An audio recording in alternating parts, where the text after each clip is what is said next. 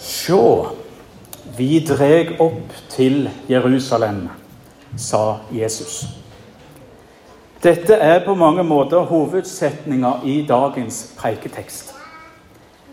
En annen måte å si dette på, det ville være å si Sjå, vi dreg opp til fredsbyen. Jerusalem betyr nettopp noe slikt som fredsbyen, eller dobbel fred. Fred, det kunne vi trenge nå, i vår verden. Selv om det på mange måter kan kjennes langt til Ukraina og invasjonen Russland setter i gang på torsdag. Men det er ikke langt. Russland er et av våre naboland. Og både ukrainere og russere er våre europeiske søsken. Våre medmennesker, vår neste.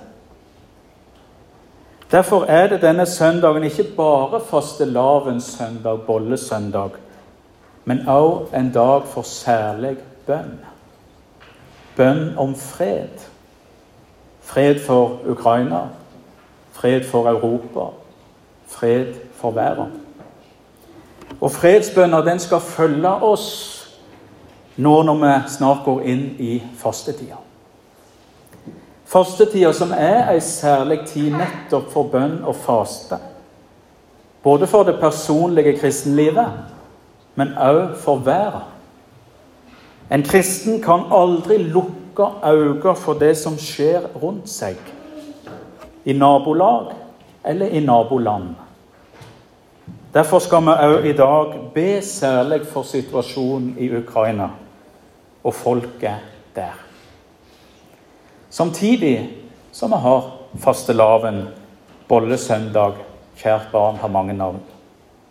Og samtidig som vi i dag gir vår takk til kirkekvinna Linda for den gode tjeneste hun har stått i for kirka og for oss. Sorgen og gleden de vandrer til hope, synger vi i en gammel salme. Det mørke skal ikke ta fra oss det lyse. Vi skal midt i alvoret òg glede oss over det gode. Fastelavnssøndagen i dag den er som et lite forspill til faste- og påsketida. Eller et preludium er vel kanskje bedre å si.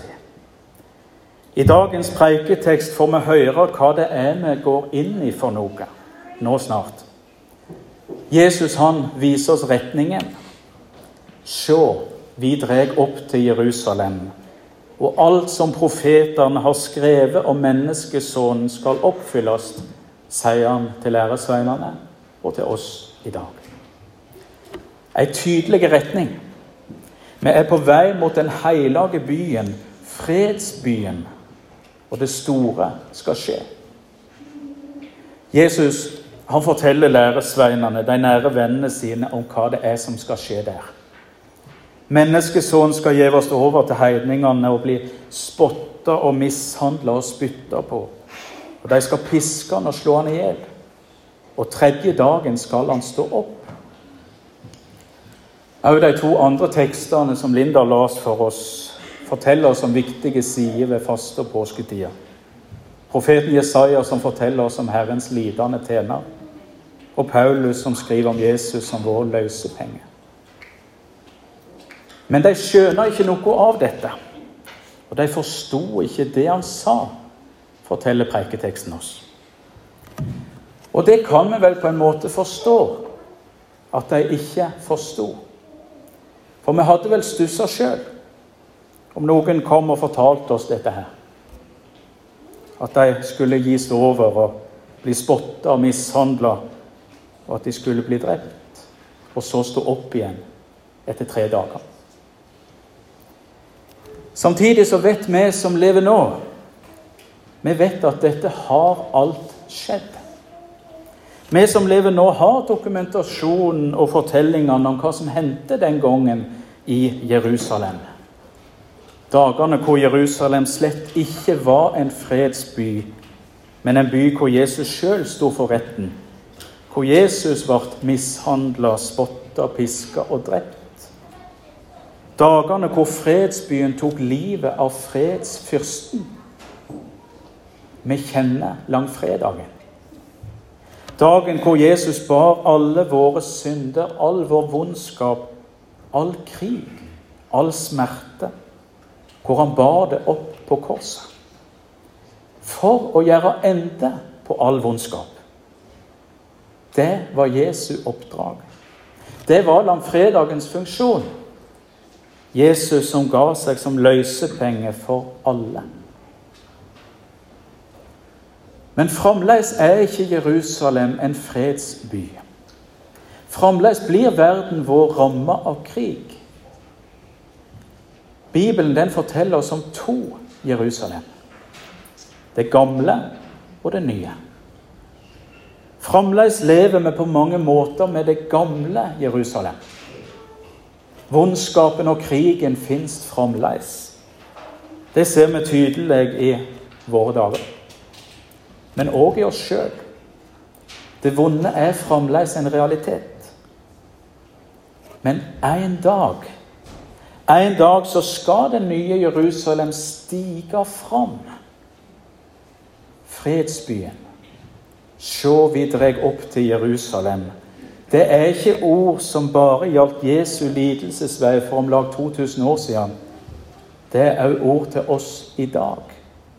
Det er retningen vår håpets retning. Johannes forteller om det i sine trøsterike og framsynte ord. Jeg så en ny himmel og en ny jord. Jeg så den hellige byen, det nye Jerusalem, komme ned fra himmelen fra Gud. Gjort i stand lik ei brud som er pynta for sin brudgom. Og jeg hørte fra trona ei høg røst som sa, Sjå, Guds bostad er hos mennesker. Han skal bo hos deg, og de skal være hans folk. Og Gud sjøl skal være hos deg. Han skal tørke hver tåre fra øynene deres. Og døden skal ikke være mer. Og ikke sorg, og ikke skrik, og ikke pine. For det som en gang var, er borte. Dit er vi på vei. Se, vi drar opp til Jerusalem. På veien så går vi gjennom verdens egen via dolorosa, smertens vei. Den kommer vi ikke utenom, selv om vi gjerne skulle ønske det. Verden blør. Men verden trenger håp. Verden trenger lys. Og dette håpet og dette lyset, det fins hos Han som på korset seira over selveste døden i Jerusalem påsken for om lag 2000 år siden. Før han døde, så sa Jesus til læresveinene sine.: Fred etterlet jeg dykk, min fred gir jeg dykk. Jeg gjev dykk ikke fred på samme måte som verda gjør. Lat ikke hjertet dykkar uroast, og vær ikke motløse. Og etter oppstandelsen så sa han, 'Fred være med dykk'. Som Far har sendt meg, sender jeg dykk. Jesus kommer med fred. Og med fred så sender han oss ut, slik vi blir sendt ut hver gang vi samles til gudstjeneste. Gå i fred.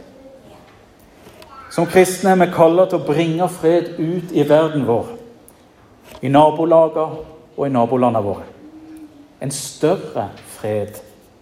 Ikke bare fravær av krig, men en fred full av kjærleik.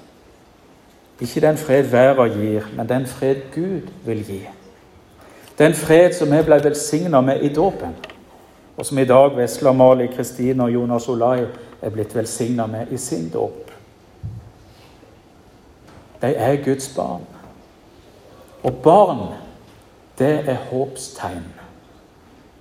Håpstegn det er òg de som synger lovsanger til Gud i bomberommet i Kiev i disse dager. Håpet lever. Måtte det aldri slukne. Jesus er ikke lenger i grava. Han var der bare noen dager. Døden er død, som Grundtvig synger i påskesalmen. Jesu ord til vennene sine er troverdig. Fred etterlet jeg dykk. Min fred gjev jeg dykk. Lat ikke hjarta dykkar uroast, Vær ikke motløse. Vi skal ikke være motløse, selv om verden søker å gjøre oss nettopp motløse. Vi har en Gud som har seiret over døden. En Gud som kommer til oss med fred. En fred vi òg skal kjempe for, og som vi skal gi videre. Mens vi i dag ber og kjemper særskilt for Ukraina og folket der. Vi ber om at håpet må få liv. Et håp som bærer oss helt gjennom til den dagen da alt skal bli nytt. Og vi alle skal samles i fredsbyen, det nye Jerusalem. Og på veien så sier Jesus, Se, vi dreg opp til Jerusalem. Kom til meg, alle de som sliter og har tungt å bære. Jeg vil gi dere hvile. Fred være med dere. Ære være Faderen, ved Sønnen i Den hellige ande, som var, er og være skal, en sann Gud, fra evig og til evig. Amen.